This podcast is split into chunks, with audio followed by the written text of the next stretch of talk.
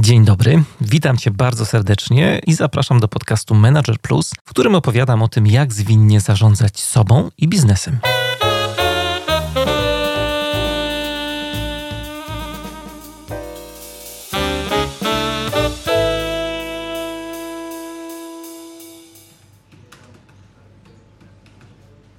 Jestem chora na depresję. Biorę leki, ale daję ci znać, żebyś wiedział, bo mogę mieć gorsze dni.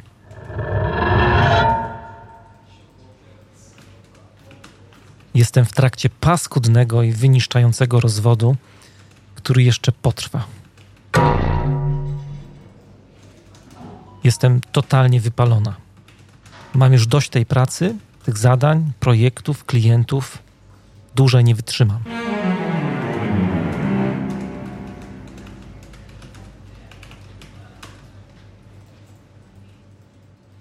No właśnie, to są głosy, które ty jako lider możesz usłyszeć, być może już słyszałeś w swojej codziennej pracy. Jak sobie poradzić w takich sytuacjach, kiedy pracownik ma problemy psychiczne? Co w takich sytuacjach powiedzieć? Od czego zacząć? Jak dobierać słowa? Jak się zachować? Y, pamiętam kiedyś taką sytuację. Skontaktował się ze mną lider pewnego zespołu IT, no i powiedział mi, że ma poważny problem jak zaczęliśmy rozmawiać, okazało się, że jeden z jego pracowników zaczął się dość dziwnie zachowywać. No, nie mógł się skupić tak na co dzień, irytował się z byle powodu, złościł się byle czym.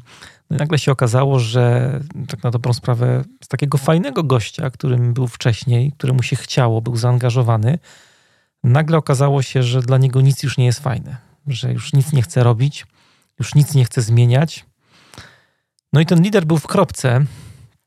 Chciał się poradzić, co z tym zrobić. Y, po rozmowie, która trochę trwała, wyczułem i dla nas y, było dość jasne, że no, ta osoba potrzebowała pomocy jakiegoś specjalisty, psychologa, terapeuty. Ale prawda jest taka, że no, liderzy zazwyczaj nie są przygotowani na takie sytuacje, a wszystko wskazuje, że takich sytuacji będzie coraz więcej. Będziemy musieli się z nimi jakoś coraz częściej mierzyć bo żyjemy, no, trzeba to sobie jasno powiedzieć, w wyjątkowo trudnych czasach. Jeszcze nie uporaliśmy się z pandemią i e, jej takim negatywnym wpływem na zdrowie psychiczne pracowników. Pandemia ogromnie dużo zmieniła w naszym życiu. To pojawiła się kolejna rzecz. Zaczęliśmy doświadczać ogromnego lęku związanego z wojną. E, poziom stresu, w którym żyjemy od tych e, dwóch lat, już jest gigantyczny. Do tego doszły problemy e, ekonomiczne, inflacja. To wszystko powoduje, że żyjemy w takich czasach mocno nieprzewidywalnych. O tym się dużo mówiło, pisało, były książki na ten temat, że koniec właśnie z takim dokładnym planowaniem, ale myślę, że pandemia nam pokazała, że ta nieprzewidywalność no to jest nasza taka nowa e, normalność, nowa codzienność i trzeba się z tym oswoić. No ale jak się oswoić, jak czujemy gdzieś tam na plecach brak takiej perspektywy zakończenia mm, tych zdarzeń? To jest bardzo trudne. E, I dla wielu osób e, też jest to taka sytuacja, którą trudno sobie, z którą trudno sobie jest poradzić w pojedynkę. I te zasoby właśnie do radzenia sobie z takimi sytuacjami zaczynają się tym ludziom kończyć. Ostatnio w audycji e, rozmawiałem z Sabiną Sadecką na temat rezyliencji, odporności psychicznej liderów. Mówiliśmy o oknie tolerancji, a dzisiaj mówimy o osobach i próbie poradzenia sobie lidera z takimi osobami w zespole, e, które no bardzo mocno wypadają po to, po, poza to okno tolerancji. Bardzo Was zapraszam do tej rozmowy. Porozmawiamy o tym, jak zarządzać e, osobami z problemami psychicznymi.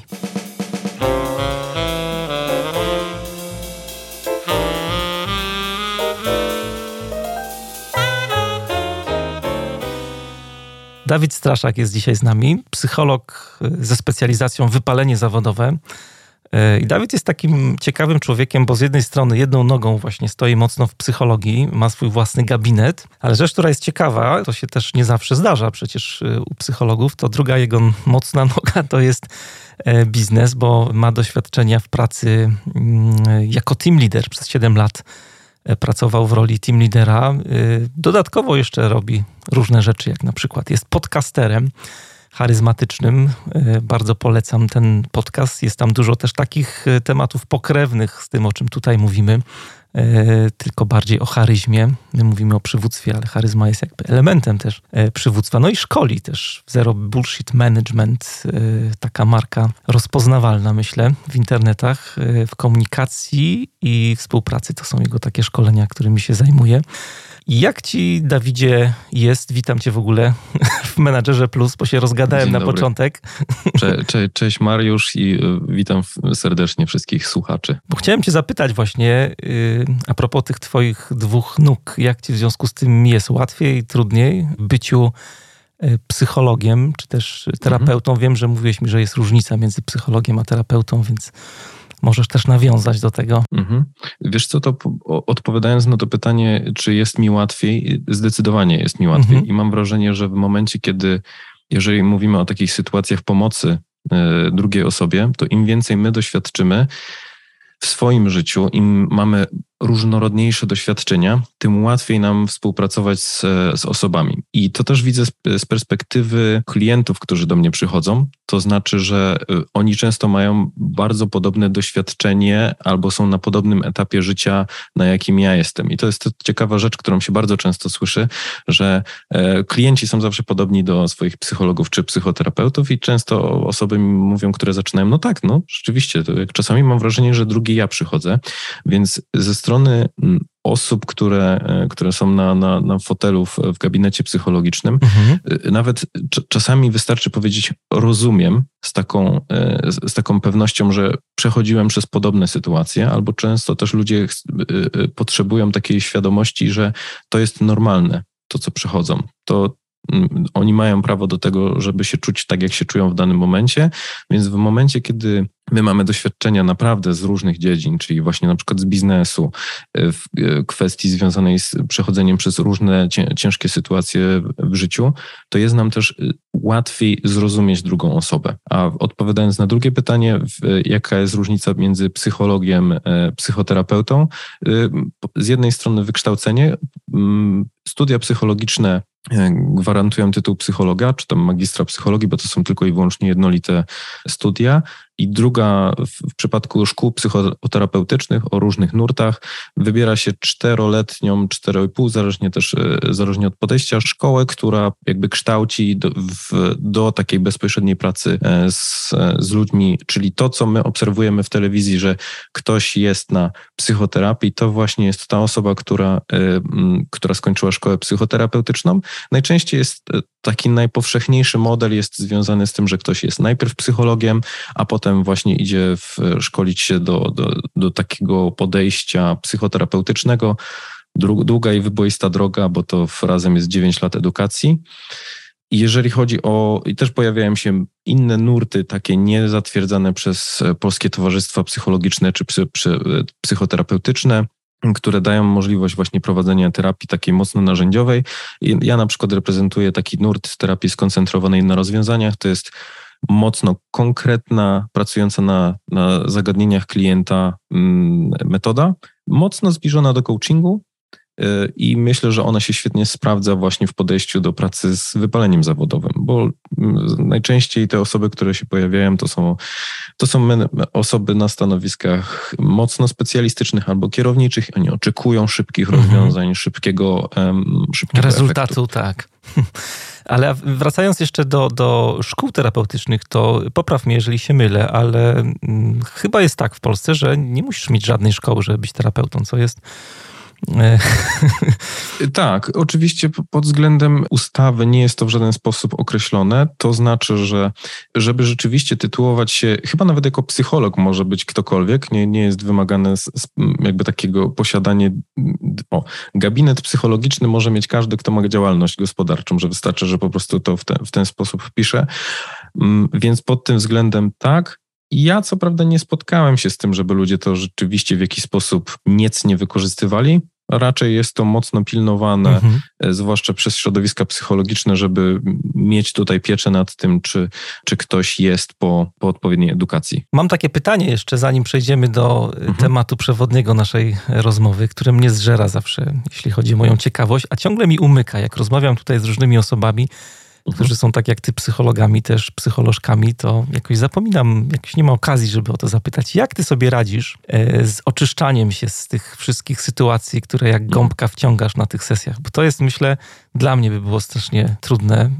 Mhm. Przychodzą do ciebie różni ludzie, opowiadają o różnych takich swoich ciemnych stronach, problemach, wyzwaniach, z którymi się mierzą. Jak ty to z siebie zrzucasz? Może nie zrzucasz, ale, ale myślę, że może być to dość trudne dla człowieka? Mhm. To, to, jest bardzo dobre pytanie. Powiem ci, że ono jest, odpowiem tutaj z, z, kilku perspektyw. Pierwsza rzecz, która przychodzi mi do głowy, to przede wszystkim to, że te osoby, które przychodzą do mnie, to jest też na, jakby taka nadzieja na zmianę. Czyli ja w tej pracy widzę o wiele bardziej realne efekty. Mhm. Czasami to jest z tygodnia na tydzień, y, czyli to szczególnie pomaga, że widzimy, widzimy zmianę i widzimy, że ludzie przychodzą w coraz to lepszym podejściu. Często jest tak, że ja pytam, konfrontuję y, moich klientów, pytając ich, a przypomnij sobie, jak to było te trzy tygodnie temu, jak tutaj przyszedłeś, jak się czułeś, jak to wszystko wyglądało. I to jest taka rzecz, która napędza, że pomimo tego ciężaru, który też te, te osoby jakby przynoszą ze sobą do gabinetu,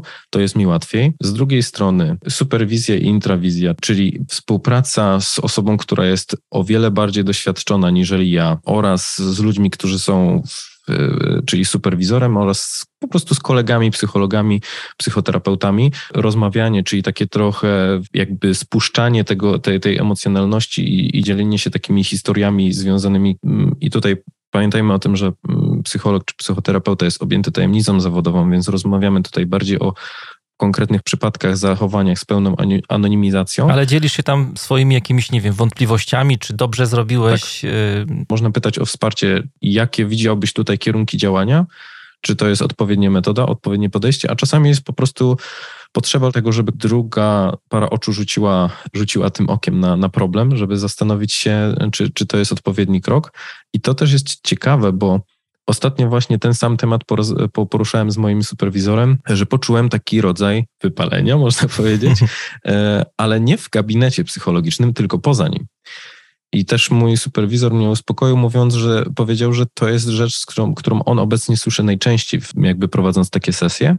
Z tego względu, że no jednak w momencie, kiedy przyjmuje się te, nie wiem, 4-5 osób dziennie przez kilka dni w tygodniu, no to nagle tworzy ci się 16 czy 20 czy mm, w, takich historii, w których jest po prostu, e, jest się obciążanym historiami innych osób.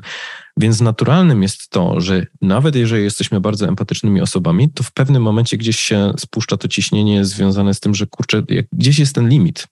Y, gdzieś ja już mogę pomyśleć sobie, kurczę, ja już, już więcej nie, nie jestem w stanie dać rady, przyjmować tych informacji. I ja też to trochę widzę w momencie, kiedy rozmawiam ze znajomymi i oni zaczynają mi opowiadać o jakichś problemach i ja jestem w stanie powiedzieć czasami nawet już tak może trochę nieuprzejmie, nie, nie że słuchajcie, no porozmawiajmy o czymś innym, tak, że ja już, ja nie jestem w pracy. Mhm. I bardzo fajnie to podsumował mój superwizor, który opowiadał o tym, że grał w squasha jego trener właśnie chciał zacząć opowiadać mu o jakimś przypadku, a on wtedy powiedział, teraz to ja gram w skłosza.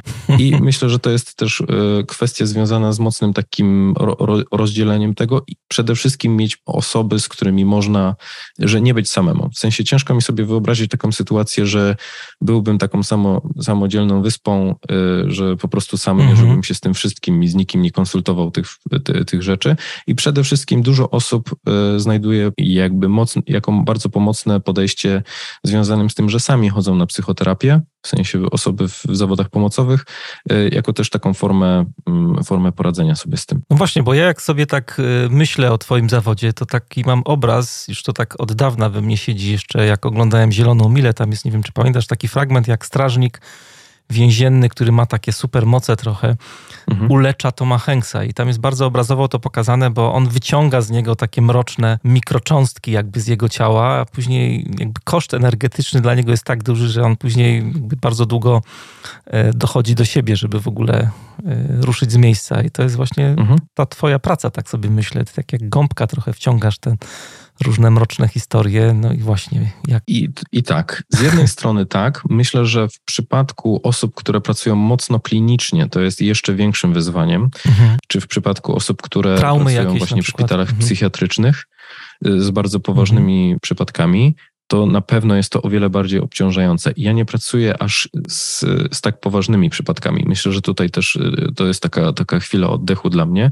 A z drugiej strony myślę, że jeżeli mówimy o kwestii związanej z takim e, przejmowaniem tego ciężaru na siebie, to myślę, że to jest mocno zbliżone do, e, co, co jest bliskie osobom, które, które nas słuchają, czyli osobom zarządzającym. Mhm że tam często y, y, lubię takie porównanie, że, że menedżer jest taką ciężką rolą, która spełnia oczekiwania wszystkich, czyli z jednej strony klienta, z jednej strony szefa i z trzeciej strony y, w przypadku powiedzmy, że, że, że swoich pracowników, a często jest tak, że o niego mało kto dba, bo więcej, więcej osób od niego wymaga i ten, ten, więc tutaj myślę, że w jakiś sposób e, nasi słuchacze mogą się też utożsamiać z tym, o czym mówię. A wiesz, że bardzo cieszę się, że zahaczyłeś o ten temat, bo jak cię słuchałem wcześniej, to też miałem jedną ścieżką taką myśl, że przecież liderzy raz, że są trochę podobni właśnie do tego, co ty robisz w gabinecie, ich praca, ale druga rzecz, myślę, że to narzędzie superwizji mogłoby być ciekawe też do wprowadzenia w firmach. Niektórzy mhm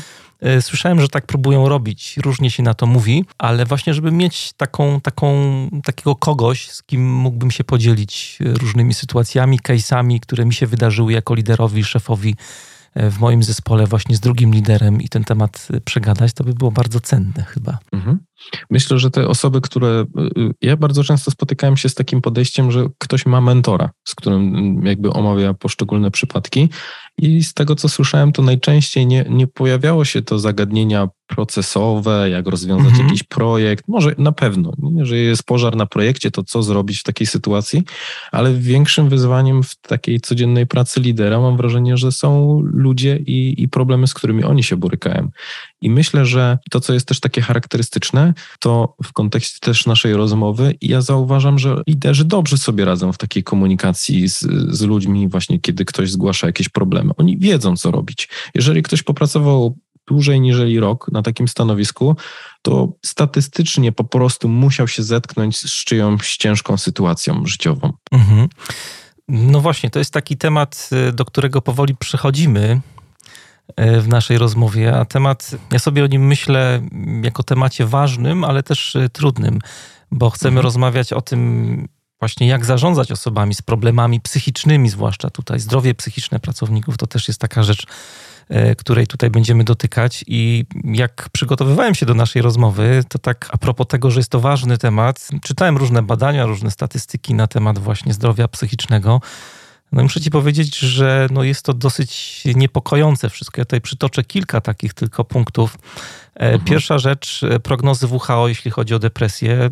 Do 2030 roku depresja ma się znaleźć na pierwszym miejscu w ogóle wśród chorób. Jeśli chodzi o cyferki, to na całym świecie już ponad 264 miliony osób e, cierpi na, na depresję. Patrząc na Polskę, tu też e, trafiłem na takie ciekawe wyniki badań Instytutu Psychiatrii i Neurologii, e, które mówią, że no w Polsce ponad 25%, to jest jakieś no 8 milionów Polaków, doświadcza zaburzeń psychicznych, a w ubiegłym roku pracownicy z powodu właśnie zaburzeń psychicznych spędzili około 25 milionów dni na zwolnieniach e, lekarskich. No do tego jeszcze dochodzi temat wypalenia zawodowego. Też niedawno o tym z Elą Lisowską żeśmy trochę rozmawiali. Wypalenie zawodowe trafiło do klasyfikacji chorób i problemów zdrowotnych. Też lista WHO tutaj. No właśnie, to jest ważny temat, ale też trudny i o tej trudności chciałbym z Tobą rozmawiać, bo trudność wydaje mi się polega właśnie na tym, e, co z tym szef, menadżer, lider może zrobić, jak sobie może e, z tym poradzić i Myślę, że żeby pójść dalej, bo tutaj mnóstwo wątków jest takich ciekawych do poruszenia. Wiesz co, ja jeszcze tylko tutaj mhm. wtrącę e, swoje zdanie do, do tych statystyk. Mhm. Ja jestem zdania, że to są, że te statystyki są mocno niedoszacowane. Z tego względu, że najprawdopodobniej, jeżeli mówimy o sytuacjach diagnostyki mhm. choroby, jaką jest depresja, to wielu klientów, z, z którym, czyli żeby to było policzone gdzieś ujęte jako ok, mamy tutaj y, zdiagnozowane, trzeba się wybrać do specjalisty, jakim jest psychiatra i on wtedy na bazie jakby wywiadu podejmuje decyzję i y, zaleca dalsze, y, dalszą terapię. Mhm ale jestem przekonany na bazie swoich doświadczeń z, z, gabinetu, że wiele osób nie podejmuje tego kroku. Nie idzie do psychiatry. Mówi: OK, ja wiem, że coś jest nie tak. Na własną rękę robię sobie test w internecie i widzę, że no wychodzi mi tutaj, że to jest rzeczywiście, e, że, że to jest depresja, e, korzysta z jakiejś pomocy albo psychologicznej, albo psychoterapeutycznej. Nie wszyscy decydują się na farmakoterapię, czyli właśnie mm, najczęściej w, w, i też konsultację psychiatryczną, więc jestem zdania, że tego jest, e, jeżeli mówimy o kwestii zaburzeń tak, natury psychicznej, jest, jest zdecydowanie więcej a na pewno w Polsce i na pewno pod względem męskiego podejścia do problemu. Mhm. Bo tutaj dopiero kiedy jest naprawdę bardzo źle, dopiero kiedy ja nie jestem w stanie wyjść z łóżka, dopiero kiedy ja już zaczynam krzyczeć na wszystkich wokół, to wtedy najczęściej jest tak, że otoczenie mówi: Słuchaj, masz problem, idź do specjalisty. Ale też y, to chyba wynika trochę z tego, że to, to zdrowie psychiczne, ten temat jest ciągle takim tematem tabu, y, mhm. zwłaszcza w Polsce. Nie? My jesteśmy tacy nieufni, jeśli chodzi o mówienie o tym. Y, ja tak patrzę też na różne pokolenia, znaczy pokolenia te takie najmłodsze, Zetki na przykład tutaj nie mają problemów chyba z tym, żeby mówić o zdrowiu psychicznym, bo jakaś jest taka otwartość, ale myślę sobie o pokoleniu na przykład moich rodziców, to w ogóle to była rzecz nie do pomyślenia, żeby leczyć się gdzieś tam u jakiegoś terapeuty, płacić za to E, niemałe pieniądze też, bo to też wciąż mhm. kosztuje trochę, także jest, jest coś na rzeczy tutaj. Tak, i bardzo fajnie to podsumowałeś, że różnica pokoleniowa to jest ta pierwsza rzecz, na którą ja radziłbym osobom zarządzającym zwracać uwagę, bo tak mhm. jak mówisz, te osoby, które jakby dopiero zaczynają na rynku pracy, czyli pomiędzy 20, 27 rokiem życia, ja zauważyłem, że w momencie, kiedy oni są bardziej odważni w, w takim decydowaniu, kurczę, coś się dzieje i bardziej odważni w sięganiu po pomoc. Czasami mam wrażenie, wrażenie, że zadaję takie pytanie, dlaczego akurat wybrałeś ten gabinet psychologiczny, to często od takich osób słyszę, o, bo ładne zdjęcie miałeś, e, bo gabinet jest blisko. Fajne Czyli opinie. Następuje... Opinie to już Nie? myślę, że to jest już jakby wyższy poziom zaawansowania. Bardziej chodzi mi o to, że widzę, że te osoby podejmują decyzje mhm. co do pomocy psychologicznej trochę jak się zamawia Uber Eatsa, czyli to jest po prostu aplikacja, no ciekawe, która bardzo. ma w jakiś sposób podnieść mój komfort życia. A z drugiej strony, jeżeli pracuję z osobami powyżej 40 roku życia, tam bardzo często pierwsza rzecz, nad którą pracujemy, to jest w ogóle zgoda na to, żeby, żeby zaakceptować, że tutaj że się pojawia problem, że, że ja potrzebuję pomocy z zewnątrz.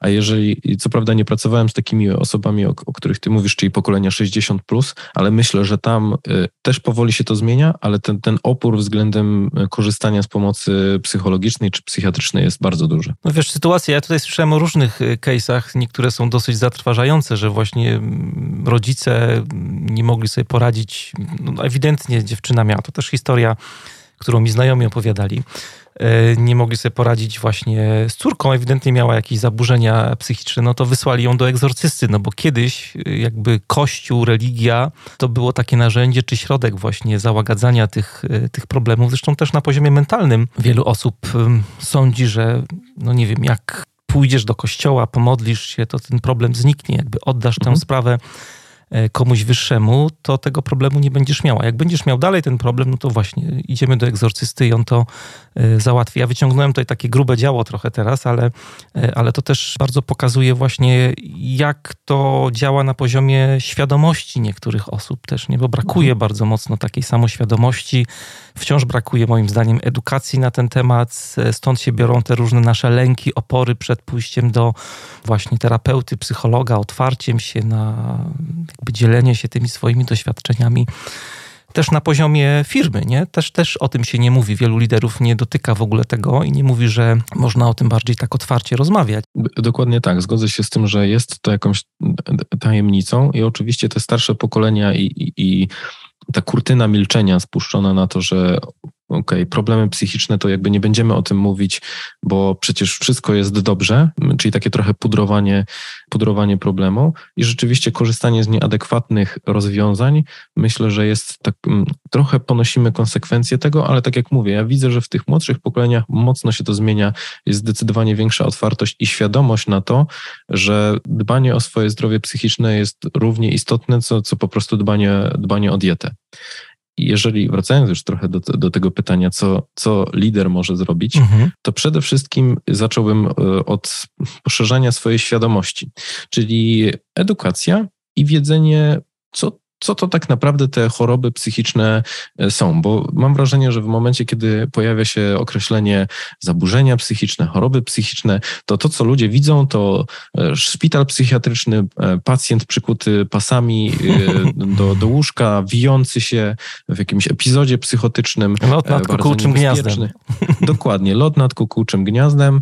Mam wrażenie, że po prostu to jest to wyobrażenie, które się pojawia, a tak nie jest. Ja też to widzę po rozmowach z liderami, którzy mają takie obawy, kiedy ktoś zgłasza im problem, że jestem chory na depresję, mam cięższy okres, stwierdzono u mnie zaburzenia lękowe. Nie wiem, i w momencie, kiedy nasz pracownik mówi o czymś takim, to często zauważyłem, że, że liderzy nie wiedzą, co zrobić, bo mają tak kurczę, nie, nie wiem, co to znaczy. Nie wiem, z czym boryka się ta osoba. Czy to jest na takiej zasadzie, że teraz każde słowo, y, które będę wypowiadał do tej osoby, będę pięć razy zastanawiał się, żebym nie powiedział czegoś, co może go urazić albo pogorszyć jego stan. I y, to też mam wrażenie, że jest mocno związane z tym, że po prostu nie, nie wiedzą te, e, te osoby, z, czym, z czego mhm. to wynika, mhm. jaki, jakie są objawy danych chorób, czego się spodziewać. I no cóż, wtedy starałem się w jakiś sposób e, dystansować albo zachować się bardzo profesjonalnie, żeby tutaj jakby za, za, za, tym płaszczykiem profesjonalizmu nie zrobić żadnej krzywdy drugiej osobie. Mhm. A co można zrobić, żeby to zmienić, żeby oni byli bardziej przygotowani? Bo ja kiedyś rozmawiałem z Elą Lisowską, którą mhm. doskonale znasz a propos wypalenia zawodowego i tam żeśmy... To Ela Lisowska jest właśnie moją mentorką, z którą też konsultuję przypadki.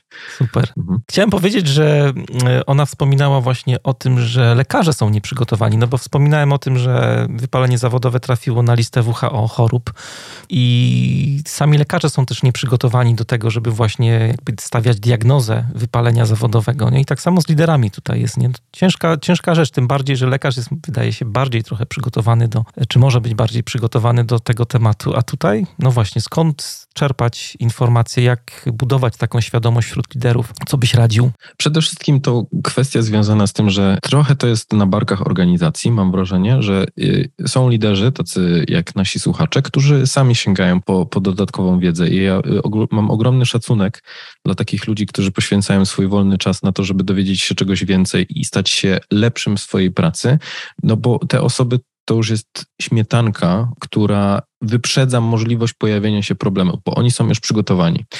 Więc z jednej strony ja mocno zachęcam do tego, żeby organizacje organizowały i widzę też taki trend, że organizują e, jakieś webinary uświadamiające, e, jak ważna jest kwestia związana z e, tym słynnym work-life balance, czyli co zrobić, żeby zwłaszcza w kontekście te, tej pandemii, która mam nadzieję, minęła, y, która pod względem natury, problemów natury psychicznej wyrządziła bardzo dużo krzywd. Czyli z jednej strony myślę, że sugerowałbym tutaj edukację, z drugiej strony podążanie za przykładem, czyli w momencie, kiedy jesteśmy liderami takiego zespołu, to warto jest, żebyśmy sami poczytali, dokształcili się, posłuchali wywiadów dotyczących tego, jakie są najpopularniejsze choroby czy zaburzenia psychiczne, żebyśmy wiedzieli, na co być poniekąd uważnym, i z drugiej strony można też przekazywać informacje ludziom, czy dobre rady na, na naszym pracownikom. Czyli myślę sobie o tym w, w, kontekście tego, że my pracujemy z tymi ludźmi, wiemy w jaki sposób oni funkcjonują,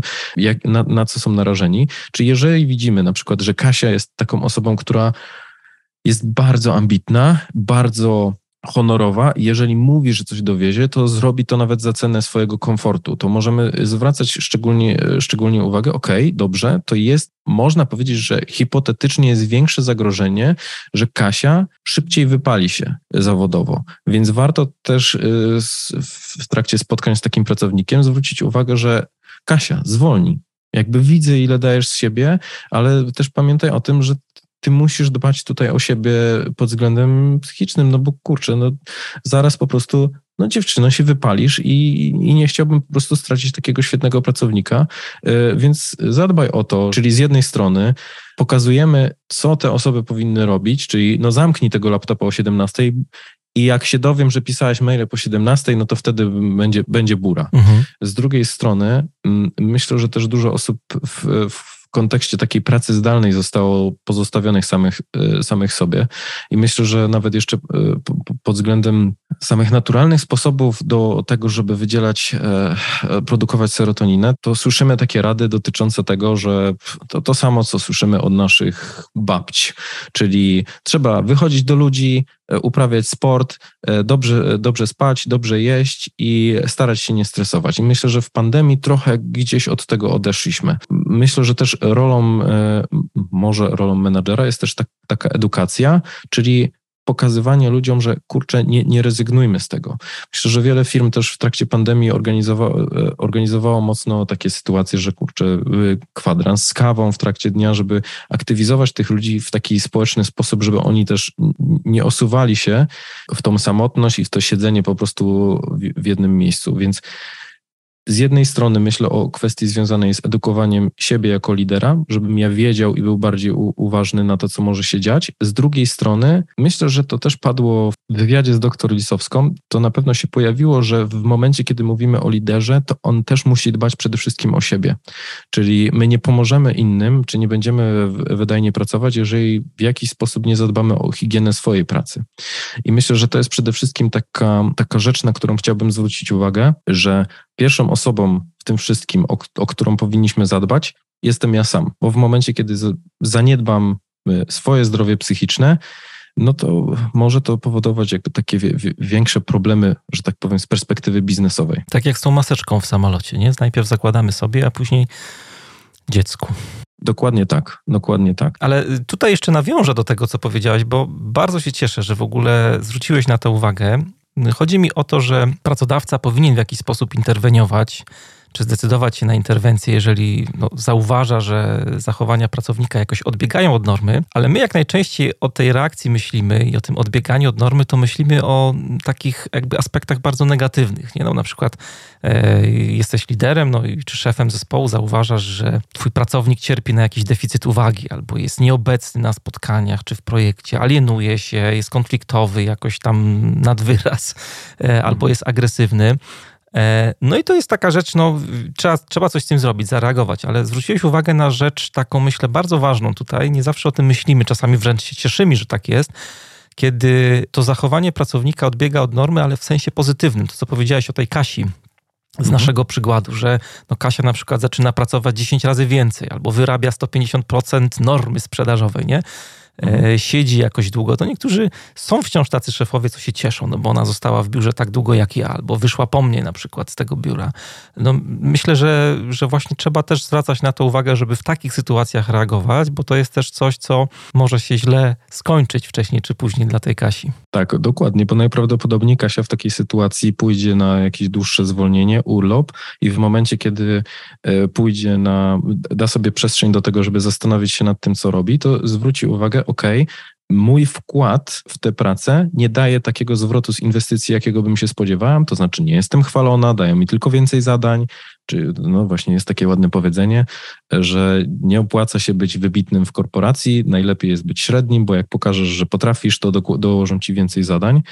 Mówię to w taki prześmiewczy sposób, ale... Ktoś musi pracować. Ktoś, ktoś musi pracować. I w momencie, kiedy Kasia pójdzie na, na zwolnienie albo na urlop, to może podjąć decyzję, że kurczę, to, to nie jest jakby to nie daje tego, mhm. czego bym się spodziewała, więc zmienię pracę albo będę pracować zdecydowanie mniej i wtedy my jesteśmy jako przełożeni rozczarowani. No jakby co się stało? Przecież pracowała, pracowałaś, kurczę, zawsze na 150%. No a Kasia może powiedzieć, no tak, ale jestem zobowiązana do pracowania na 100%, a jak patrzę po zespole, to oni pracują na 80%, więc czemu ja mam się bardziej mhm. spinać? I z drugiej strony myślę, że w kontekście mówienia o tym podejściu liderskim, to ważne jest też to, co powiedziałeś, że ktoś wychodzi po mnie jako po liderze, że mocno obciążające dla ludzi, z, którym, z, których, z którymi pracuję w kontekście wypalenia zawodowego, jest to, że na przykład szef wysyła maila o drugiej w nocy albo o 22. No i ja mam dziecko, mam rodzinę, chcę wyjść o 17, no ale jeżeli szef wysyła tak późno maila, to ja chyba też powinienem. I Chodzi o to, że ludzie patrzą. Zróbcie taki test, że ustalcie, że nie wolno się spóźnić do pracy. Może teraz większość pracuje zdalnie, więc to nie, nie, nie, da się tak łatwo tego zmierzyć, ale to może też z mojego doświadczenia nie można się spóźniać. Wszyscy zaczynamy o ósmej. Wystarczy, że się raz spóźnicie, to następnego dnia już kilka osób będzie spóźnionych po, po, po, po kilka minut po ósmej. Czyli w jaki sposób e, lider wytycza ten trend? Czyli pokazuje, jaki jest poziom w zespole i co można, czego nie można. Czyli w momencie, kiedy lider też będzie dbał o swoje zdrowie psychiczne, to też będzie pokazywał, OK, to jest coś, na co, e, na co zwracamy szczególnie uwagę. I znowu, przykłady z gabinetu. Mój szef, kiedy zgłosiłem mu, że jestem wypalony, powiedział mi: Ja też jestem. I jakoś sobie musimy dać z tym radę tak? albo y, męczą mnie y, jakby różnice czasu, chodziło o osobę, która pracuje w, w, różnych strefach czasowych, no mnie też męczą, ale trzeba sobie po prostu jakoś odpowiednio zarządzać tym kalendarzem i pracować w, na przykład w jakichś modułach, czyli trzy godziny tu, potem dwie godziny tu, potem godzinkę jeszcze, jeszcze gdzieś wcisnąć. I często jest tak, że to ten, w momencie, kiedy nie pojawia się zrozumienie ze strony szefa, no to jakby pracownik zaczyna szukać e, rozwiązań gdzieś indziej. No, niestety wciąż jest sporo firm, które tak właśnie myślą, zachowują się, natomiast też mam wrażenie, że pandemia i to wszystko, co się stało po pandemii też, bo zostaliśmy jakby dowaleni różnymi takimi zjawiskami, no nie, nikt tego nie przewidział, wojna chociażby, mhm. nie? Tak z pandemii żeśmy weszli w wojnę. To też jest taka rzecz, która później znowu kwestia inflacji, jakiś tam kryzys gospodarczy się pojawił, więc cały czas jest to coś, ale myślę, że te sytuacje pokazały też wielu liderom, że no jakby efektywność pracy, jakość tej pracy jest mocno powiązana e, z tym takim podejściem E, często słyszę, jak e, psychologowie mówią, holistycznym do, do pracownika, ale to, to ma sens. Nie? nie tylko jakby narzędzia są ważne, nie tylko szkolenie ze Scrama, jakichś metod pracy, narzędzi, ale właśnie też y, patrzenie na pracownika tak całościowo, na mhm. jego dobrostan, na, na właśnie na zdrowie psychiczne, o którym mówisz. No do tego trzeba mieć dużą wrażliwość, trzeba mieć jakiś tam radar ustawiony odpowiednio, bo jeżeli ten lider, o którym mówisz, jeden czy drugi nie widzą tego w ogóle, też są wypaleni. To też jest w ogóle ciekawa historia, jakby wątek w wątku, czy temat w temacie, że lider może być zaburzony. Nie? No mówimy teraz cały czas o pracownikach, ale ten... Wiesz, to też jest zaskakujące w momencie, kiedy y, prowadziłem e, szkolenia właśnie w, w temacie chorób psychicznych mhm. najczęściej jest tak, że to liderzy myślą, o, to, to wypalenie zawodowe to jest, to teraz zaczynam notować, bo ja się dowiem, czy już jestem w procesie i co powinienem zrobić. To mnie najbardziej interesuje.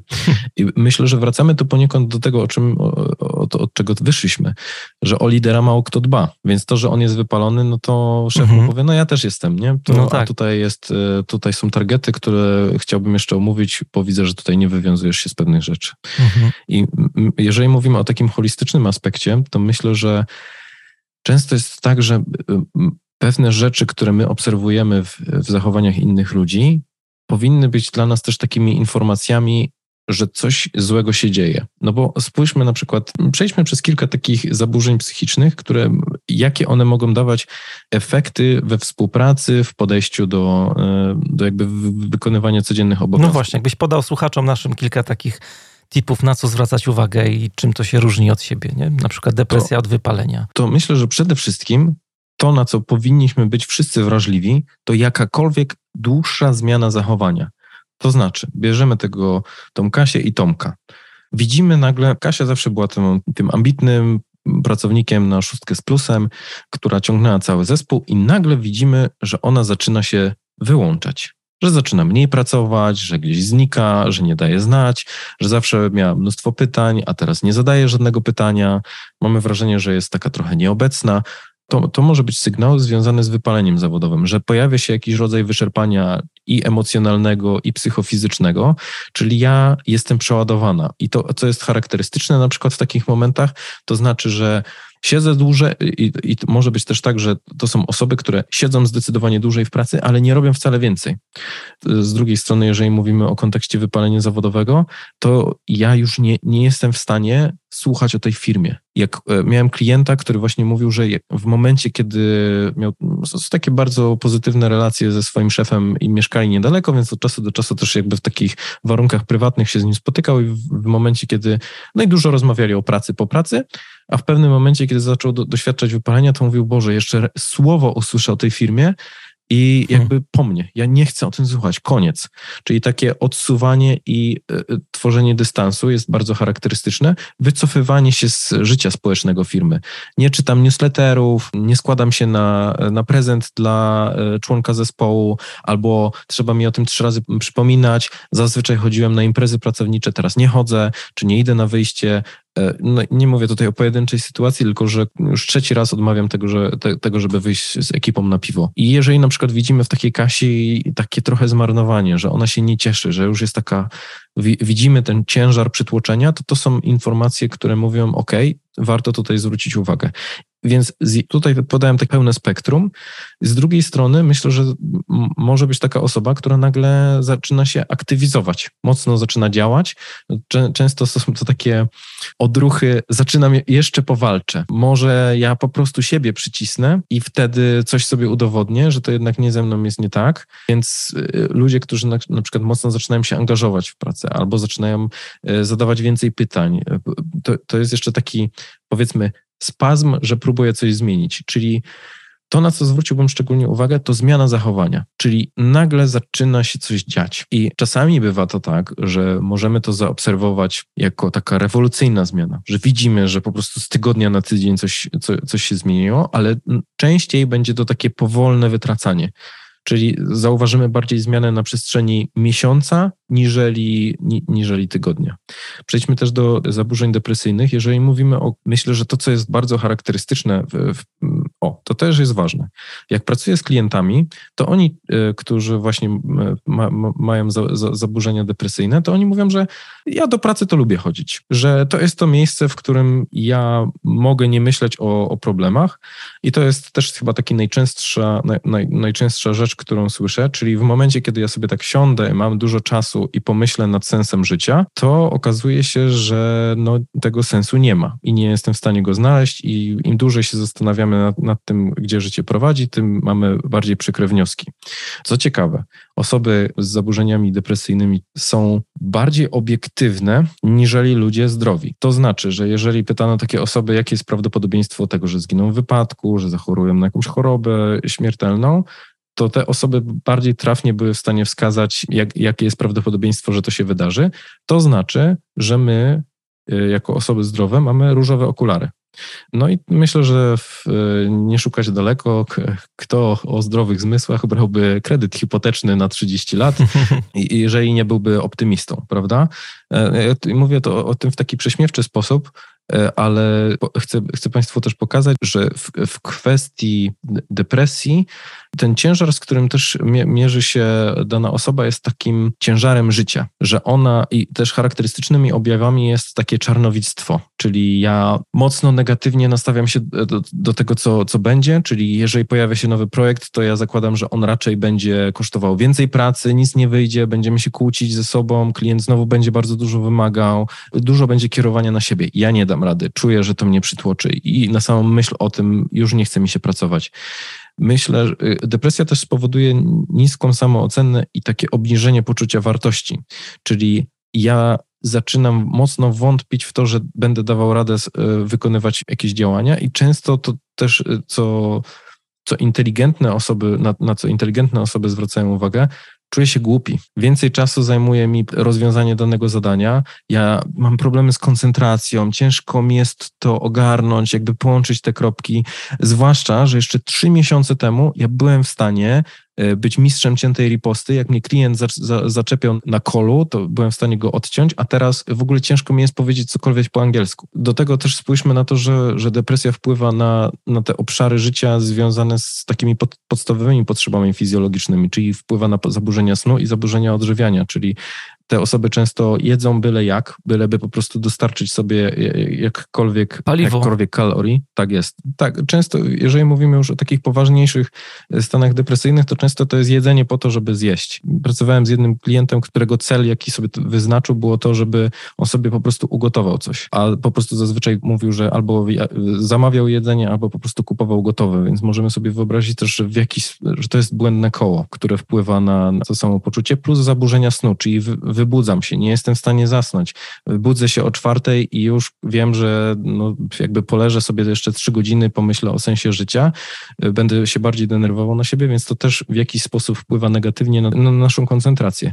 No i takie widoczne, zaobserwowalne obniżenie nastroju. Ktoś przestaje być obecny, ktoś jakby jest mniej aktywny. No i, i taki też charakterystyczny mocno objaw to jest tak anhedonia, czyli nie cieszą mnie te rzeczy, które mnie cieszyły do tej pory. Czyli z jednej strony lubiłem jeździć na rowerze, teraz już jeżdżę i nie ma z tego, nie ma z tego frajdy, a z drugiej strony kiedyś lubiłem na przykład prowadzić codzienne stand-upy, a teraz, Jezus Maria, jak sobie pomyślę o tym, że mam to zrobić jeszcze raz, to Trzy kropki. gadać z tymi ludźmi dokładnie, to, to nie chce mi się tego robić. Więc myślę, że w kontekście takiego zaburzeń depresyjnych zwracałbym szczególną uwagę na takie wy, wytracenie pędu, na to, że ktoś zaczyna smutnieć, zaczyna wolniej pracować, to to powinny być takie obszary, które alarmują nas i mówią, kurczę, może warto pogadać z taką osobą, czy wszystko, czy wszystko jest w porządku. Bo to jest taka sytuacja, że ten ktoś do nas jeszcze nie przyszedł i nie mówi nam o problemie psychicznym. Mhm. Mhm. To wtedy właśnie sugeruję, żeby pogadać w takiej sytuacji, jak zauważa lider, szef takie, mm, takie zachowania. Tak, no jakby dbamy o tych ludzi, z, z, którymi pracujemy na co dzień i oczywiście możemy dostać odpowiedź, tak, no trzeba być gotowym na to, co usłyszymy, ale myślę, że doświadczone osoby zarządzające są, wiedzą, że czasami odpowiedzi, które słyszą nie są, nie, nie bywają takimi, których by oczekiwały, bo z jednej strony możemy usłyszeć, wiesz co, mam cięższy okres, sorry, że, że, daję, że nie daję rady, dzięki, że pytasz, ale dam sobie radę sam, mhm. wiesz, jeszcze będę taki trochę wolniejszy, nieogarnięty, będę się starał, żeby, wiesz, żeby do, dostarczać, no, no i tyle. A mhm. może być tak, że taka osoba po prostu się rozklei całkowicie. I trzeba być na to gotowym, że to jest ten moment. No, zacznie płakać robić, na przykład, nie? Zacznie Gdzieś płakać. Tam. E, I żeby stworzyć możliwość, czyli najlepiej nie robić, nie przeprowadzać takiej rozmowy między kawą a kolejnym spotkaniem. Tam Kasia, wszystko w porządku, bo ostatnio wyglądasz na jakąś taką bardziej przejętą, tak obserwuję cię i widzę, że nie wiem, mam wrażenie, że trochę, trochę następuje taka zmiana nastroju u ciebie, wszystko ok. No i wtedy Kasia się rozkleja, a my za 15 minut mamy kola z zarządem, na którym jest krytyczna nasza obecność. Więc warto zadbać właśnie o taką logistykę po prostu tych spotkań, żeby nie robić tego gdzieś jakby w pośpiechu, ale z drugiej strony, żeby też nie formalizować tego, żeby nie wrzucam specjalne spotkanie z taką osobą, a zazwyczaj nie robiłem takich spotkań. I mówię, Kasia, chciałem z tobą porozmawiać, ponieważ zauważyłem niepokojące objawy. Czyli bardziej postępujemy, jakby y, ludzie czują, jak mogą się komunikować z takimi osobami. Mamy już relacje zbudowane, to nie są no, mhm. nowe osoby y, w, w, naszych zespołach, więc warto po prostu po przyjacielsku zapytać, czy wszystko jest ok, wszystko jest w porządku. A jakie są takie Twoje top 3 na przykład błędy w prowadzeniu takich rozmów i w podejściu mhm. do pracowników z problemami psychicznymi? Na co mhm. właśnie zwracać uwagę szczególnie? Myślę, że przede wszystkim ludzie uciekają w to, co jest ich stylem zarządzania, czyli albo są mocno za bardzo empatyczni, albo zbyt surowi. Czyli w takim momencie ja zaczynam zastanawiać, Jezu, a, czyli zbyt empatycznie, Jezu, co się stało? Kurczę, nie wiedziałem, Jezu, ale przykro mi to słyszeć i opowiadaj, mhm. co jest, I jeżeli mogę ci w jakiś sposób pomóc, czyli takie trochę dramatyzowanie i, i pójście w taką dobrą ciocię, a z drugiej strony kontra, jestem bardzo dyrektywnym menedżerem, zarządzam tak jakby za, zawodniczo, że tak powiem, frisowo, to okej, okay, dobra, dzięki, że mi powiedziałeś. W takim razie przechodzimy dalej do tego, co mieliśmy omówić na tym spotkaniu, więc wracamy do jak ci idzie z tym i z tym projektem. Czyli zbywamy to. Tutaj ja bym wypośrodkował, że przede wszystkim dajemy przestrzeń do wypowiedzenia się tej osobie, jeżeli ona już nam postanowi się zwierzyć. Czyli my mówimy o tym, że no po, po prostu dajemy przestrzeń. Zamieniamy się w słuch i mówimy, jakby czekamy na, bo trochę to stworzenie przestrzeni daje wybór tej osobie, co ona chce nam powiedzieć, a co nie. To jest jedna kwestia, bo to jest też ogromne, trzeba mieć na uwadze to, że jeżeli ktoś dzieli się takimi intymnymi szczegółami, to jest ogromny wyrost zaufania do nas jako do drugiego człowieka. Jeżeli popełnimy to jakiś błąd, to ona już najprawdopodobniej więcej nam nie zaufa, albo powiemy coś, co, na, co, co tą osobę odrzuci, czyli na przykład i tutaj też może nie powiedziałbym, że to jest błąd, z którym ja się spotykam, ale warto to zaznaczyć, żeby też nie dawać rad na zasadzie wszystko będzie dobrze, kurczę, no to jakby ciężka sytuacja, ale damy sobie jakoś radę. Czyli ja bym, ja bym powiedział, że takich banałów, nie? Dasz radę na przykład, albo inni mają gorzej, już tam powiedziałeś wcześniej o tym, szefie, który mówi, że też jest wypalony, no to, to strzelasz takim banałem i to niewiele tej osobie daje zupełnie. Mhm, tak, dokładnie. A, a, jest taka ochota na to, żebyśmy to zrobili, bo my tego też doświadczamy ze strony różnych e, ludzi. Jeżeli mówimy o, o kwestiach związanych z, z zaburzeniami psychicznymi, to, to to nie jest złamana ręka. To nie widzimy hmm. tego że coś tutaj, raczej widzimy efekty, które to daje i często jest taka pokusa, że kurczę, może, może nie jest tak źle, może to jest tylko jakaś pokusa. I pamiętam taką sytuację, która mocno mną wstrząsnęła, jeżeli mówimy o takich sytuacjach, kiedy, kiedy wychodzi się z gabinetu, jeszcze się musi posiedzieć, popatrzeć w ścianę przez godzinę. Pamiętam taką sytuację, kiedy pracowałem właśnie z, z, z jednym klientem, właśnie nad obszarem wypalenia zawodowego już jakby tam wykańczaliśmy to i e, to w ogóle jest bardzo przyjemna i szybka praca. Jak się już pracuje z menedżerami, to jest dosłownie kilka spotkań. W pewnym momencie jakby doszło do takiej sytuacji, w której ta, ta, ta osoba odstawiła leki przeciwdepresyjne i tam była z, z różnych innych powodów. I tam była bardzo duża zmiana w zachowaniu.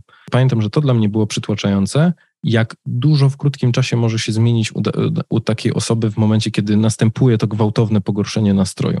Ale wracając do tych błędów, które pojawiają się na, na, najczęściej, które myślę, przed czym bym przestrzegał, przede wszystkim myślę, że to jest to, że ludzie się po prostu boją i rozumiem tą obawę z tego względu, że ja nie jestem psychologiem, ja tu jestem od zarządzania, dzielenia zadań, y, nie wiem co robić i zaczynam trakto- uciekać właśnie w taki bezpieczny albo w profesjonalizm, albo w takie, kurczę, jak powinienem zarządzić tą sytuacją, że zaczynam się zachowywać sztucznie inaczej niż, niż do tej pory boję się, nie wiem, co powinienem zrobić, więc tak zaczyna się robić, ok, dobrze, dziękuję.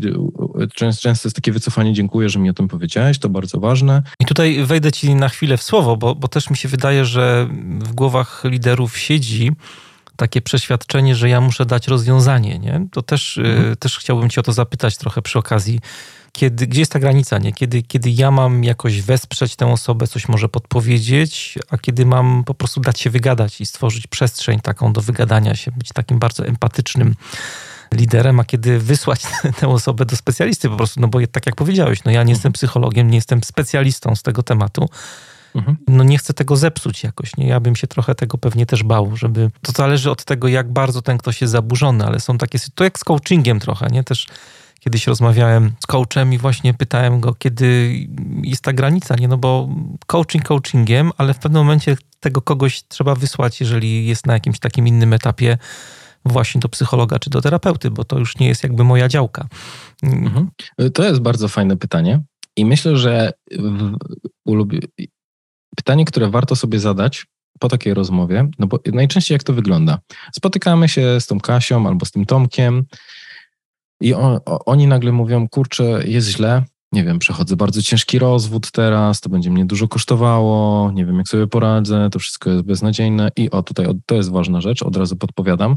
W momencie, kiedy ludzie doświadczają takich kryzysów punktowych, to znaczy teraz coś się źle dzieje, to bardzo chciałbym Was przestrzec przed tym, żeby uważać, żeby nie, nie, nie dać się wciągnąć w dyskusję i powiedzieć na przykład, no Kasia tam przechodzi ten rozwód, i ona mówi takie, że kurczę, no, no faceci są beznadziejni. I szuka potwierdzenia na przykład jakby w naszych słowach i my powiemy, że jakby jest takie, no bywa źle, no rzeczywiście czasami faceci potrafią się źle zachować i po dwóch tygodniach, koniec kryzysu, Kasia wraca do swojego obecnego partnera i my zostajemy trochę z tą ręką w nocniku. Czyli tutaj bym był bardzo ostrożny w, w takim wspieraniu tych osób i tutaj mhm. bym rzeczywiście starał się być jak najbardziej obiektywnym. Ale wracamy do tego, do tej sytuacji. I ta osoba nam mówi na tym spotkaniu na, na najprawdopodobniej, czy w, w, jakiejś takiej sytuacji, nie wiem, jeżeli to jest online, że, mm, że coś się dzieje. I to spotkanie polecałbym przeznaczyć po prostu na to, żeby dać się tej osobie wygadać. I albo będzie to na takiej zasadzie, że będzie opowiadała o tym, co, co się rzeczywiście dzieje,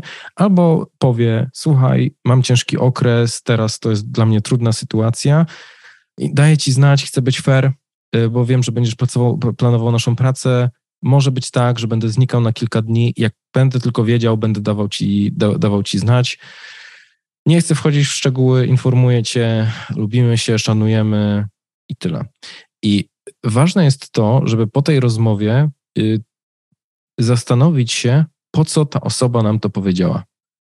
Czy chodzi o to, że ona po prostu sobie nie radzi z tym wszystkim, co się dzieje, czy rzeczywiście robi to, ok, dobra, wiem, że praca musi być zrobiona, a ty będziesz to planował, co, co zrobić.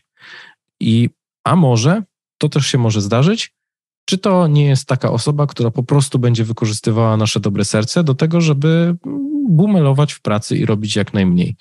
I najprawdopodobniej, no tak jak mówię, my nie pracujemy z tymi ludźmi pierwszy dzień, wiemy, kto był do, do, do, pewnych, do pewnych rzeczy skłonny. No i oczywiście, zgodnie z artykułem 22 kodeksu pracy, my nie mamy prawa e, dopytywać o powód. E, jakby to chyba jest sformułowane tak, że nie możemy pytać o, o stan zdrowia e, pracownika, więc nie możemy dopytywać o pewne kwestie, więc to pozostaje tylko aspekt związany z tym, że mu, musimy ufać temu, co druga osoba e, mówi czy robi. Więc warto się zastanowić, czy to nie jest ten przypadek tego, że ktoś próbuje ugrać to, że nie będzie mógł częściej chodzić na imprezy i brać L4 na kaca, a nam powie, że e, ma depresję. Czyli najważniejsze, po tym pierwszym spotkaniu odpowiedzieć sobie, po co? Po co ta osoba nam powiedziała? I na bazie tego y, kolejna kwestia, o której myślę, że warto, y, którą warto mieć na uwadze, to zastanowić się, co dalej. Czyli spotkać się po raz kolejny z taką osobą i zaproponować jakiś plan działania, albo wspólnie go wypracować. Ok, powiedziałeś, że na przykład teraz masz cięższy okres i chciałem z Tobą porozmawiać na takiej zasadzie, żebyśmy wiesz, żebym ja mógł monitorować y, Twoją pracę, no martwię się po prostu, mhm. ale też zależy mi na tym, żebyś nie czuł, nie czuła się w jakiś sposób po prostu kontrolowana i że ja po prostu tutaj będę sprawdzał każdy twój krok. Chciałem pogadać o tym, jak moglibyśmy to wypracować, żeby każdy z nas czuł się tutaj komfortowo. I myślę, że to jest też taka rzecz, która mocno otwiera te, te osoby, żeby, żeby wypracować wspólnie pewne, pewne kwestie, ale w przypadku osób z takimi zaburzeniami depresyjnymi byłbym gotów zaproponować coś swojego, czyli jak ja bym to widział. Myślę, że y, kolejna kwestia to to, żeby komunikować się z tymi osobami tak jak do tej pory, bo oni często nawet, nawet raczej to usłyszymy, że ja wiem, że ci to powiedziałem, ale oczekiwałbym od ciebie tego, że po prostu będziemy rozmawiać tak jak do tej pory, że będziemy dalej, że nie będziesz mi dawał forów albo że nie będziesz mnie dociskał. Chyba, że rzeczywiście będzie specjalne życzenie, mam teraz cięższy okres, jakby będę potrzebował po prostu trochę, trochę więcej luzu, no bo też chcemy być sprawiedliwi względem reszty osób, z, którymi pracujemy. Czyli reszta zespołu, dlaczego miałaby nie wziąć sobie też dwutygodniowego okresu, w którym będą mieli e, jakby łat, łatwiejsze zadania albo nie będą tak obciążani. Mhm. Tutaj takiego tematu dotykasz, e, myślę, że warto o niego zahaczyć trochę i bardziej pogłębić, bo no jest takie ryzyko. Już wspomniałeś kilka razy gdzieś tam między wierszami o tym, że e, ten ktoś, ta Kasia, mam nadzieję, że się Kasie nie obrazą, nie obrażą za to, że jest taką, tak, mhm. są takimi przykładami tutaj. Kasie doświadczają. Kiedyś, kiedyś używałem Tomka często i dostałem maila, że co ci ten Tomek zrobił, że tak ciągle w każdym przykładzie jest Tomasz. Mhm. E, ale wracając tutaj na ścieżkę, bo dotknąłeś takiego tematu właśnie, który się pojawiał w twoich wypowiedziach kilka razy, tak jak wyłapałem właśnie, że ta Kasia e, może wykorzystywać swojego szefa, lidera i go zagadywać, zarzucać różnymi tam tematami a w efekcie bumelować. Nie? No bo jest takie ryzyko, że jeżeli chodzi o rozliczanie zadań, podejście w ogóle do zarządzania pracą zespołu, tak już patrząc bardziej na takie codzienne, praktyczne bardzo aspekty, że te problemy psychiczne, jest pewne ryzyko tutaj, że one mogą stać się taką wymówką nie? dla pracowników. I, I pytanie do ciebie, gdzie widziałbyś tę granicę pomiędzy właśnie stwarzaniem tej otwartości, dawaniem wsparcia przez szefa, a z drugiej strony E, też tym stwarzaniem możliwości do nic nie robienia, nie do takiej, takiej przestrzeni do bumelowania po prostu w naszej codziennej pracy. I tutaj, żeby uniknąć tej sytuacji, żeby doprowadzać do takich rozmów, że ok, mówimy, dajemy komuś tam więcej luzu, mhm. a potem nagle widzimy, że nic nie robi, to właśnie po to jest to pytanie ustawienia takiego wspólnego planu. Co teraz? Jak do tego podejdziemy? Czyli umawiamy się na coś, oboje, i będziemy dążyć do, do realizacji tego. Czyli to jest taki kontrakt, który ma nas jako osobę, e, jako przełożonego zabezpieczyć przed tym. No i wtedy mówimy, słuchaj, no jakby to zostawmy tą Kasię, czy weźmy Tomka, słuchaj Tomek, umówiliśmy się na, e, na pewne rzeczy. Ja rozumiem, że to jest dla ciebie ciężka sytuacja, ale też chciałbym, żebyś miał na uwadze to, że ja tutaj jestem w roli Twojego przełożonego. Mam swoje cele biznesowe, e, mam pozostałe osoby w zespole, za które jestem odpowiedzialny.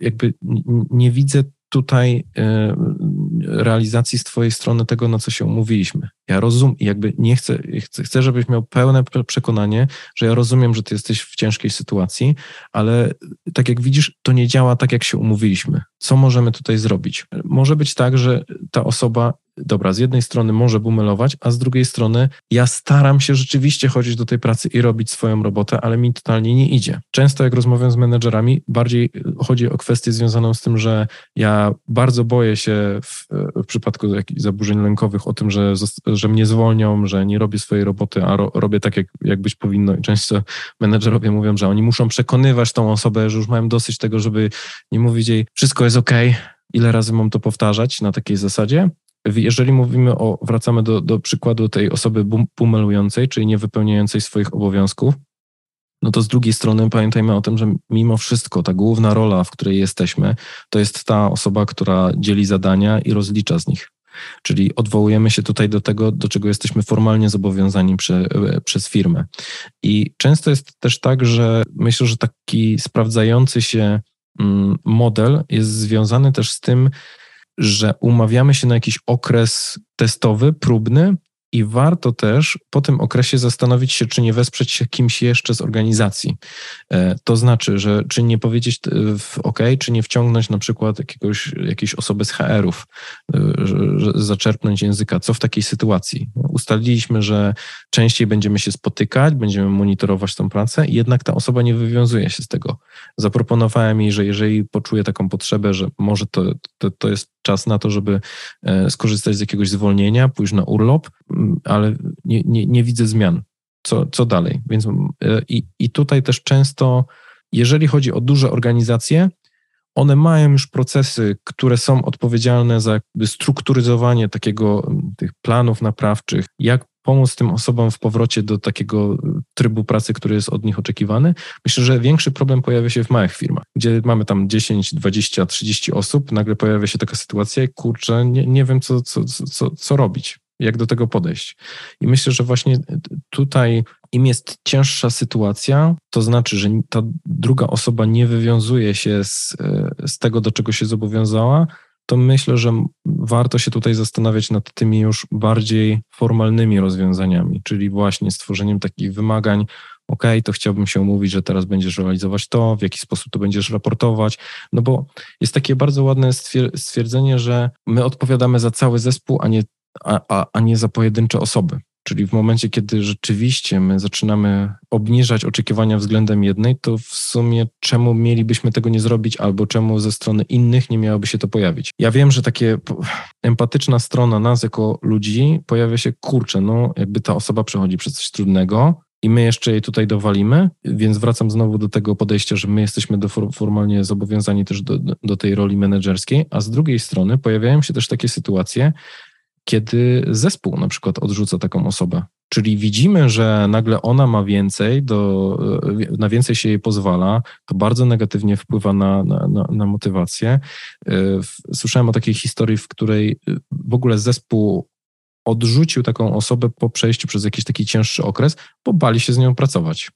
Więc trzeba mieć też na uwadze, jakie konsekwencje niezrobienia niczego w takiej sytuacji będą miały na, na, na pracę pozostałych osób. No bardzo y, się cieszę, że dotknąłeś tego tematu, bo on gdzieś tak y, pojawiał się cały czas w tych twoich wypowiedziach jakby aspekt taki szerszy, nie? Mówiłeś, że lider, szef ma odpowiedzialność nie tylko za tę osobę, ale też ma zobowiązania względem organizacji, ale ma dużo zobowiązań względem zespołów i, i w kontekście zespołów to na pewno ma duży wpływ. Mała firma jest pewnie jakoś, tak sobie pomyślałem gdzieś w tyle głowy, że jest jakoś podobna do tego klimatu zespołowego, mimo że w małej firmie z 10 osób i ci ludzie nie muszą być zespołem wcale, który pracuje nad jakimś współzależnym celem, ale jeśli chodzi o aspekt takich relacji, więzi, y, które są między nimi, to może być bardzo podobne do, do, do tego, co się dzieje właśnie w zespołach, w dużych organizacjach. E, no i tak sobie pomyślałem, dużo mówimy o tym, właśnie jak się zaopiekować osobą, która ma problem psychiczny, ale myślę, że też ważnym pytaniem jest, jak się zaopiekować zespołem, który ma taką osobę e, z problemem psychicznym. Już trochę zacząłeś o tym mówić, e, ale żyjemy w takiej erze zespołów. Dzisiaj są e, bardzo modne takie słowa jak agile, czy w ogóle zwinna filozofia pracy. Też w podcaście dużo o tym tutaj mówimy. Myślę, że to jest też taki temat dość ważki, jeśli chodzi o kwestie zdrowia psychicznego pracowników. Zdecydowanie. Myślę, że to, co gdzieś trzeba mieć na uwadze, to to, że to, to nie jest samotna wyspa i ludzie widzą. I tak jak mówiłem, jeżeli my się spóźnimy, to najprawdopodobniej mówimy OK, w tym zespole można się spóźniać. Tak samo w momencie, kiedy widzimy, że e, e, pozostałe osoby widzą, kurczę, jeżeli mówimy o, o takim, o tych, ja nie jestem z branży IT, ale już trochę liznąłem, w trakcie codziennego stand-upu widzimy, że ilość zadań wykonywanych przez jednego konkretnego członka zespołu jest trochę niższa niżeli, niżeli pozostałych, no to zaczyna to przekuwać e, uwagę, no i mogą się pojawić pytania, które dostaniemy. Dlaczego tak jest? E, tutaj warto też ustalić z tą drugą osobą, czy to jest coś takiego, że czy wie ktoś jeszcze o tym? Czy dzieliła się tymi informacjami w zespole? Podejście są bardzo różne. To jest bardzo indywidualna kwestia. Nie zachęcamy do dzielenia się i jakby podążamy za narracją drugiej osoby. Możemy ewentualnie zasugerować, dlaczego, co stoi za, co stoi przeciw właśnie mówieniem takich informacji pozostałym osobom.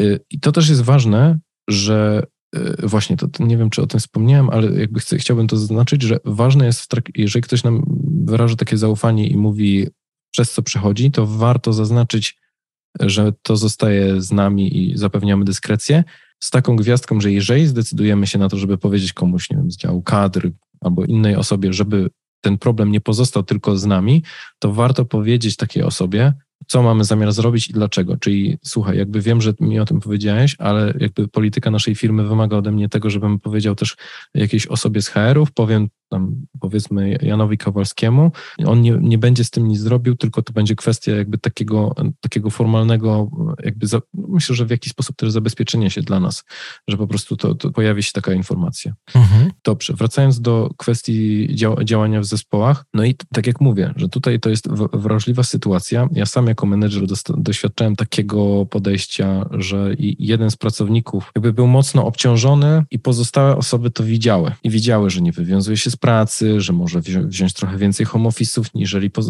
niżeli inni, że częściej go nie ma. Jeszcze były takie logi z nieobecnościami, które były dostępne dla wszystkich, żeby każdy widział, kiedy kto ma urlop. No i jakby te osoby widziały, że te nieobecności się tam pojawiały częściej niż pozostałe, co oczywiście bardzo negatywnie wpływało na motywację. Mam wrażenie, że to był główny problem i temat na komunikatorach, który dział się po takich tematach nie, niepracowych. I dlaczego on może co się dzieje, e, a my nie możemy. Czyli i ta, to zwiększa oczywiście poziom frustracji i takiego niezadowolenia, no bo skąd ta święta krowa w naszym zespole? Tutaj y, też myślę, że taką rzeczą, która y, powinna wybrzmieć, o co warto dbać, no to jest bezpieczne psychiczne środowisko pracy, nie? To jest mhm. taki temat, o którym dzisiaj się dużo mówi, ale tak jak ciebie dzisiaj słuchałem, to myślę sobie, że to dużo rzeczy upraszcza. Jeżeli e, mamy taką otwartość w zespole, jeżeli jest zaufanie, to też E, łatwiej jest ludziom no, przyjść do szefa i porozmawiać o stresie, o jakimś tam nadmiarze obowiązków, że coś ich przywala, jakiś kamień e, życiowy, a nie ma wtedy tych takich obaw, że no jak, jak przyjdę, no to szef odczyta to jako jakiś akt słabości z mojej strony, nie? bo jest taka obawa e, w takich zespołach, gdzie tego bezpieczeństwa psychicznego nie ma. Warto, warto nad tym pracować. No, to jest też praca nad różnorodnością między innymi, nie? żeby sobie pokazywać, że się różnimy. Myślę, że to jest to, to, co powiedziałeś, że w momencie, kiedy ktoś do nas przychodzi z takim problemem, to dużo mówi o nas jako przełożonych. Nie do każdej osoby ludzie mieliby zaufanie i skłonność do tego, żeby podzielić się takimi wrażliwymi informacjami z życia prywatnego. No tak. Słuchaj, kończymy powoli. Patrzę, patrzę na zegarek i mnie zagadałeś skutecznie dzisiaj. Bardzo dużo e, ciekawych treści się pojawiło. Słuchałem Cię tutaj bardzo e, z wielką uwagą, z wielką atencją. Myślę, że szczególnie ten aspekt rozmów i w ogóle tych takich e, konkretnych, praktycznych już wskazówek, które udzieliłeś, będą bardzo przydatne dla wielu liderów, menedżerów, którzy nas dzisiaj słuchają. Mam takie pytanie na koniec jeszcze, bo dotknęliśmy tematu różnorodności w zespole. Już tak może niezwiązane bardzo to pytanie jest ze zdrowiem psychicznym, ale właśnie z zespołami, z tym, jak bardzo się różnimy. Ty jesteś badaczem, dyplomatą, tak? Frisowym. Tak. tak jak, co to dla ciebie znaczy tak y, w codzienności? Mm, No, to znaczy, że ja bardzo dobrze rozumiem e, wszystko, co się dzieje wokół. Czasami e, to znaczy, bardzo dużo analizuję, rozkładam na czynniki pierwsze, staram się dojść do tego, skąd pewne rzeczy mo, mo, mogą się brać, czyli to jest właśnie ten aspekt badacza. Jutro ten... się obudzisz i będziesz myślał sobie, ile rzeczy jeszcze nie powiedziałem w tej naszej rozmowie, tak? Nie, już jestem, już jestem na tyle dojrzałym badaczem, że określam sobie rzeczy, które muszą paść, a całą resztę traktuję jako dodatek. Mm -hmm. Czyli to, to już też jakby ten etap mam za sobą. A ta kwestia dyplomacji i właśnie tego, tego partnera, no oznacza, że ja dobrze rozumiem, z czym ludzie mogą się borykać i mam taką, mogę powiedzieć, że chyba przynajmniej często się spotykam z takim określeniem, że wiem co i jak powiedzieć. Myślę, że to jest ten aspekt dy, dy, dyplomatyczny. E, I myślę, że to jest rzecz, która niezmiernie mi się przydaje właśnie w, w gabinecie psychologicznym, że jestem w stanie łączyć diagnostykę z taką pomocą, czyli ewentualnie kierować szyb, szybciej dochodzić do mm, jakichś aspektów związanych na przykład z poważniejszymi chorobami psy, e, psychologicznymi i kierować e, poszczególne osoby do, do, do odpowiednich miejsc, bo też jakby to jest też ważne, że jest też rola psychologa w tym wszystkim, że on po prostu kieruje kieruje do innych gabinetów, czy do innych placówek, poradni, czy na mhm. konkretne terapie. Dawid, ogromne dzięki za dzisiaj. Jak sobie tak myślę o tej naszej rozmowie, to mi się taki cytat niczego przypomina, e, który brzmi mniej więcej tak, że jeden szuka położnika dla swoich myśli, a drugi kogoś, komu by pomógł. No i w ten sposób powstaje taka zajmująca rozmowa. Myślę, że byłeś takim położnikiem dzisiaj dla mnie trochę w trakcie tej audycji. Dziękuję. Bardzo Ci dziękuję. To ja dziękuję. To była ogromna przyjemność tutaj, e, tutaj wystąpić, zwłaszcza, że jestem wielkim fanem podcastu. E, także no, ogromna przyjemność dla mnie i myślę, że mam marzenie na 2022 spełnione. Także dziękuję, dziękuję Tobie i dziękuję też słuchaczom za to, że, że postanowiliście zainwestować swój czas w tę rozmowę. Dzięki bardzo.